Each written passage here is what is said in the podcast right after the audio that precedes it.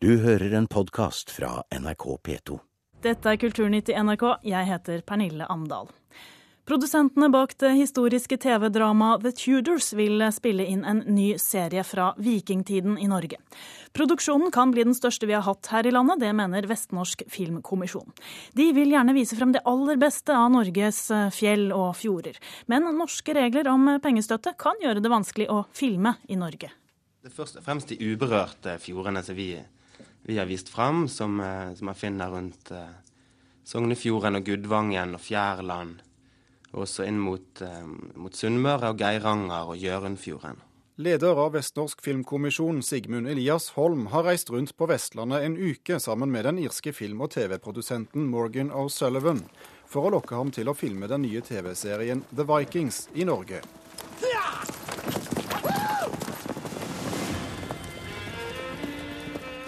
O'Sullivan står som produsent av filmer som Oliver Twist, Sweeney Todd og Braveheart, og ikke minst TV-serien The Tudors om Henrik den åttendes liv som engelsk konge. Tomorrow, you will all travel by barge to Hampton Court, where our betrothal will be announced. Det historiske TV-dramaet har hatt flere hundre millioner seere i USA, Canada og Europa. Håpet er at de samme seerne også skal sluke vikinghistorie fra Norge. Dette tror jeg blir kanskje det største dramaprosjektet noensinne i Norge. Det er antydet et totalbudsjett på 400 millioner kroner. Det er jo en eh, drømmehenvendelse for oss eh, når så renommert produsent eh, henvender seg og ønsker da mektig fjordlandskap og får et vikingprosjekt, en dramaserie, i, i ti deler.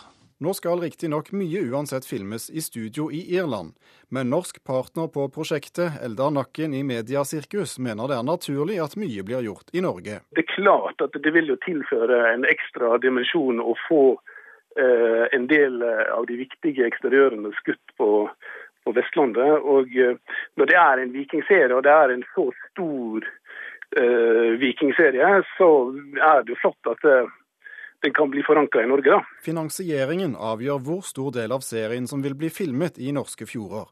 Norge er et dyrt land å filme i, og her får filmbransjen heller ikke momsrefusjon eller andre goder som takk for verdiskapningen på innspillingsstedene, slik man får i Irland. Det er ikke til å legge skjul på at eh, de rammevilkårene vi har her i Norge, ikke er ideelle for denne type prosjekter og for prosjekter av denne størrelsesorden. Vestnorsk Filmkommisjon har sammen med en samlet filmbransje forsøkt å få i stand slike ordninger, men regjeringen sier nei.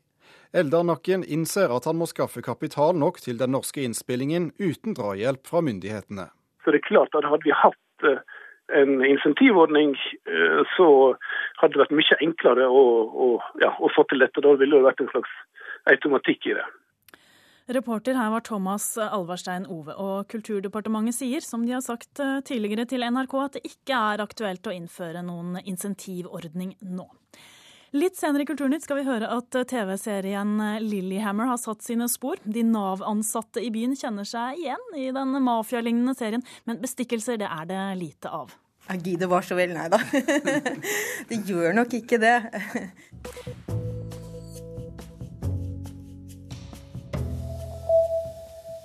Den amerikanske kunstneren Tom Banwell og to andre kunstnere krever til sammen 110 000 kroner av det norske oljeselskap for brudd på opphavsretten. Oljeselskapet har brukt bilder av kunstnerne i sin årsrapport og i annonser uten å spørre om lov, det skriver Dagbladet. Reklamebyrået Scanpartner sier at ansvaret ligger hos dem, og at de nå er i kontakt med kunstnerne for å få eh, ryddet opp.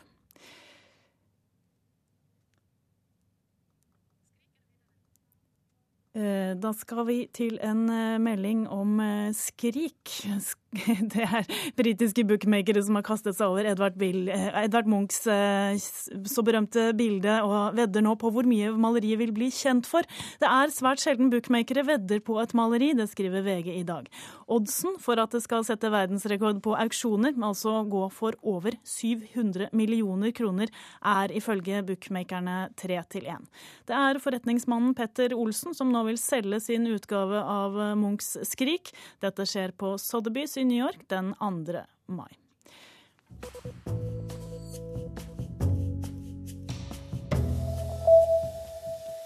Grunnloven er nå oppdatert, og det er språket som har fått eh, gjennomgå. Det har nemlig ikke blitt fornyet siden 1903, over 100 år siden med andre ord. Det er Carl I. Hagen som står bak forslaget om å fornye språket, og professor Finn Erik Vinje som har ledet arbeidet. Språkrådet tror imidlertid det fortsatt er mange ord som, vil, eh, som, folk vil streve med, og skulle ønsket seg enda enklere vendinger. Finn Erik Vinje hadde mye å ta tak i. Det står Fristed tilstedes ikke dem, der herefter fallere.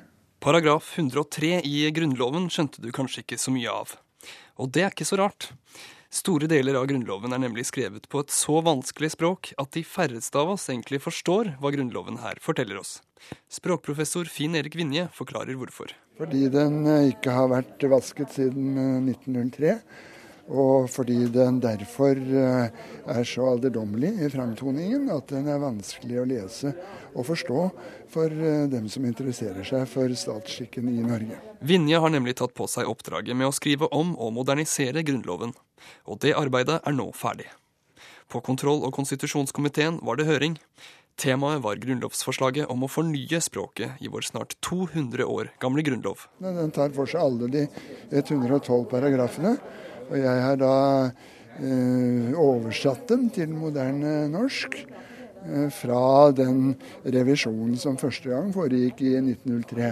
Så har jeg da gjort ortografiske og andre endringer, slik at det nå framstår som en mye mer lettlest og forståelig tekst. Anders Anundsen fra Fremskrittspartiet og leder av konstitusjonskomiteen forteller hvorfor dagens høring om Grunnloven er så spesiell. Det er historisk fordi det er første gang kontroll- og konstitusjonskomiteen noensinne avholder en åpen høring i et grunnlovsspørsmål. Eh, formålet med det er jo både selvfølgelig å innhente kunnskap og andres synspunkter, men det viser også at det er viktig å få en bredere debatt rundt grunnlovsspørsmål. og Det er det vi håper dette vil bidra til. Carl I. Hagen er den som formelt har fremmet forslaget for Stortinget. Dette er av respekt for våre grunnlovsforfedre. At den grunnloven de laget, og som på enkelte områder, ganske mange, er modernisert, skal være noe som vår oppvoksende slekt, skoleungdommen, kan læres opp i. Men da må de jo skjønne det de får seg forelagt av grunnlovsbestemmelser. Dette er av respekt for uh, grunnlovsfedrene. At det de skapte, skal få en språkdrakt som gjør at dagens ungdom, som driver på Twitter og på andre steder med forkortelser som bare det, skal kunne forstå det når de blir undervist i grunnlaget for det norske demokratiet. Til stede på høringen var også Språkrådets direktør Arnfinn Murvik Vonen. Han sier at selv om de støtter forslaget om å fornye språket i Grunnloven, skulle de ønske at det var modernisert i enda høyere grad. Det er mange som strever med å forstå det som står i Grunnloven. Og det at man nå forsøker å gjøre noe med det, er bra. Eh, mye vil nok framstå som mye mer forståelig nå. Og så har vi da noen kommentarer til at det er fortsatt ting som blir stående igjen som krever forklaring og spesialkunnskap for å, for å skjønne også i framtida. Komiteen skal skrive sin innstilling innen 21. mai. Da skal det hele debatteres i Stortinget. Kanskje ender vi opp med en 200 år gammel grunnlov, der paragraf 103 faktisk kan leses og forstås. Men hva skjer om 200 nye år? Da skal vi justere den på nytt. Da skal en ny person, som ikke ser ut som jeg gjør, men en annen person, skal foreta den samme justeringen. Det må det være, hvis vi ønsker at Grunnloven skal være et levende dokument. Det sa språkprofessor eh, Finn Erik Vinje til reporter eh, Daniel Wærnes. Du hører en podkast fra NRK P2. I to uker skal lyden av et isorgel på toppen av fjellet Feforkampen direkte overføres til katedralen St. Pauls i London. Det hele for å hedre den britiske polfareren Robert Scott.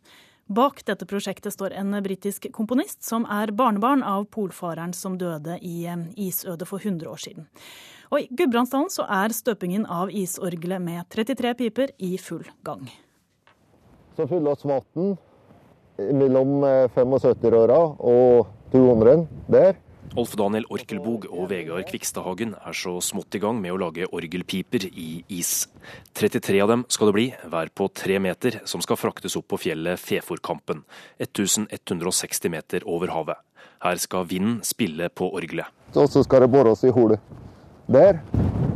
Og når vinden kommer, så lager det lyd.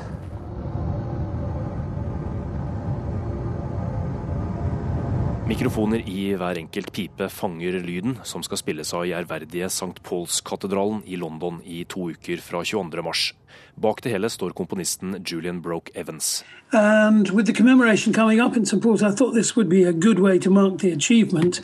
Han er barnebarn av Teddy Evans, som var nestkommanderende på Robert Scotts ekspedisjon til Sørpolen i 1912 i kappløp med Roald Amundsen. Komponisten vil hedre bestefaren og de andre som var med på ekspedisjonen, med et orgel på en fjelltopp i Norge. Because I wanted the installation to symbolize in various poetic ways their achievements, and on the top of the mountain there is a sense of isolation. Fefor er ikke tilfeldig valgt. Det var her Scott lå på treningsleir før han dro til isødet. I fjor gjorde Broke Evans noe av det samme på Sørpolen, og da hørtes det slik ut.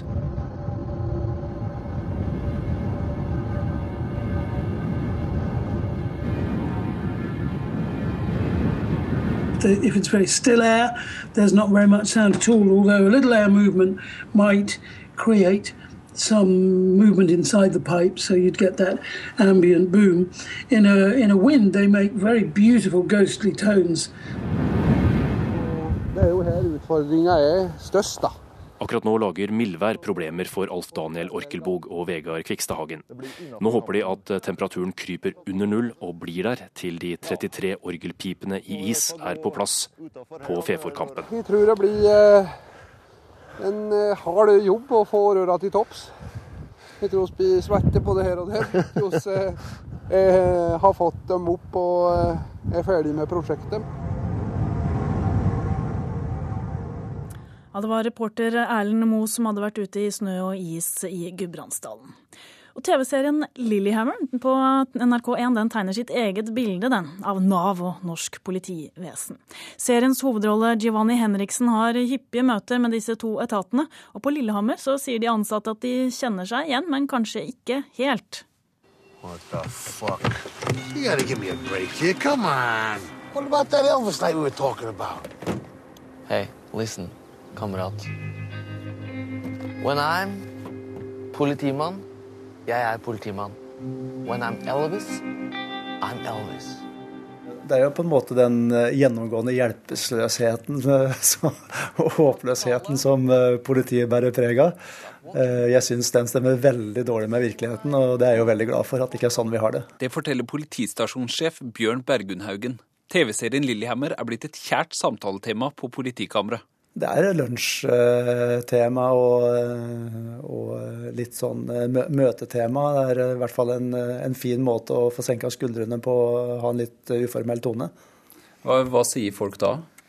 Det er, det er gjennomgående nær sagt 100% positive tilbakemeldinger i forhold til hva serien bringer med seg. Oh, like You're taking us to where your pals have my goods. You understand? Hvorfor forteller kameraten din at jeg er ikke så jævlig stiv engelsk?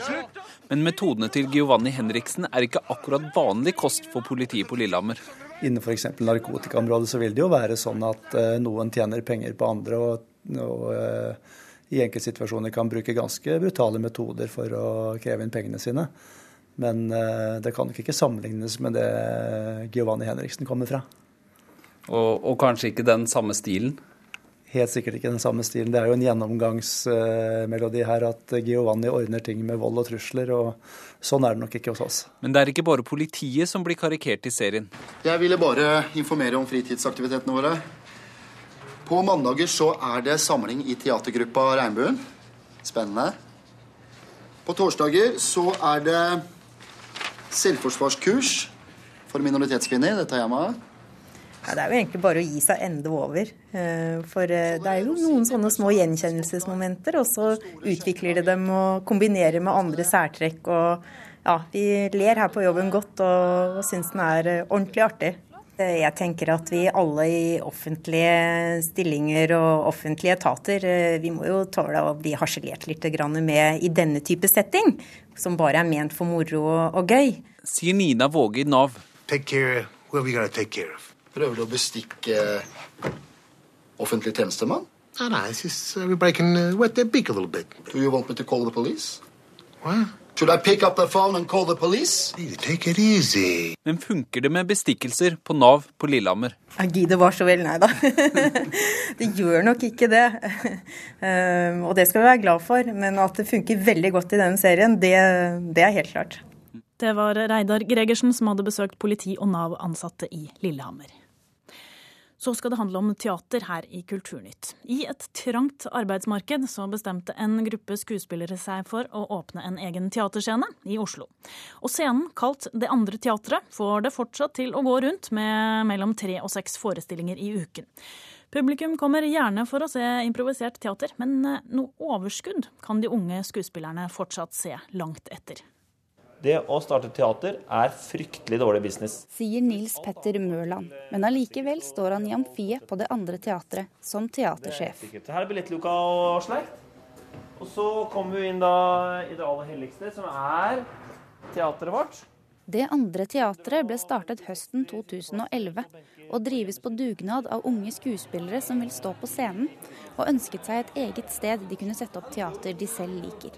Teatersjef Mørland forteller at driften av teatret med tilhørende kafé går akkurat i null. Foreløpig tjener vi ikke noe særlig penger på kafeen, det skal jeg ærlig innrømme. Men vi taper ikke noe penger på det, eller det går i balanse. Det er jo under en forutsetning vi ikke har tatt ut noe lønn, da. Jeg vil ha tre stykker på scenen. På scenen står gruppa Improtent og spiller improvisasjonsteater for fullt hus. Og så skal vi gjøre den samme scenen i flere sjangre. Da kan vi tenke frem hvilke sjangre dere har lyst til å se i, men det kan jo bli Nils Petter er fornøyd med at flere og flere publikummere finner veien til Torshov. Vi har faktisk altså, vi har krabber oppover. Vi har et gjennomsnitt som har gått radig oppover helt fra første uka. Nå er det jo et sted mellom tre og seks forestillinger i uka her, så det er ganske tett. Så vi begynner å nærme oss 50% dekningsgrad. Og det er ganske mye. Planen er å holde billettprisene på rundt hundrelappen, noe som ikke gjør det lettere å drive lønnsomt. Å lage et sånt teater her når vi ikke har ha noe driftsstøtte eller noe, som skal lønne alle som er innenfor veggene her, det kommer aldri til å skje. Men vi har da fått budsjettert med at vi i løpet av det året som kommer nå, altså 2012, at vi i løpet av 2012 skal klare å ha noen lønna stillinger. Hauk Heierdal i Skuespillerforbundet mener tiltaket er viktig. Det finnes et skrikende behov i Oslo for uh, produksjonslokaler og spillesteder for uh, frie, uh, frie scenegrupper. Jeg tror det andre teatret Det er imponerende å se hva de har fått til der oppe. Jeg tror de kommer til å klare seg veldig bra. Og jeg tror det kommer til å oppstå flere lignende steder i byen. Siviløkonom Kjetil Aamodt, som har holdt foredrag på Handelshøyskolen BI i teaterøkonomi, er mer skeptisk. Det er lite som skal til i mange sammenhenger for, for at forestillingen eh, går dårlig, og at det velter hele prosjektet da, hvis man har tynn finansiering. Konkurransen er jo veldig stor om, eh, om plassene i Oslo, så det er et sporty prosjekt i så fall. Det er jo veldig avhengig av forestillingen, og det er jo veldig avhengig av om man får de priser man vil i markedet, om, om publikum liker forestillingene, går mann av huset for å se. Men dersom billettsalget skulle stupe, har Nils Petter løsningen. Det er popkornmaskina. Det var det første vi brukte penger på. Men det er også innmari god business. Vi, det er også det regnet på at vi har noe sånn 93% avanse på å selge popkorn. Så hvis alt annet går til eh, helsike, så kan vi iallfall fortsette med popkornbusiness. Reporter på Torshov var Ina Charlotte Fjellhøy. Kulturnytt var ved Pernille Amdal. Du har hørt en podkast fra NRK P2.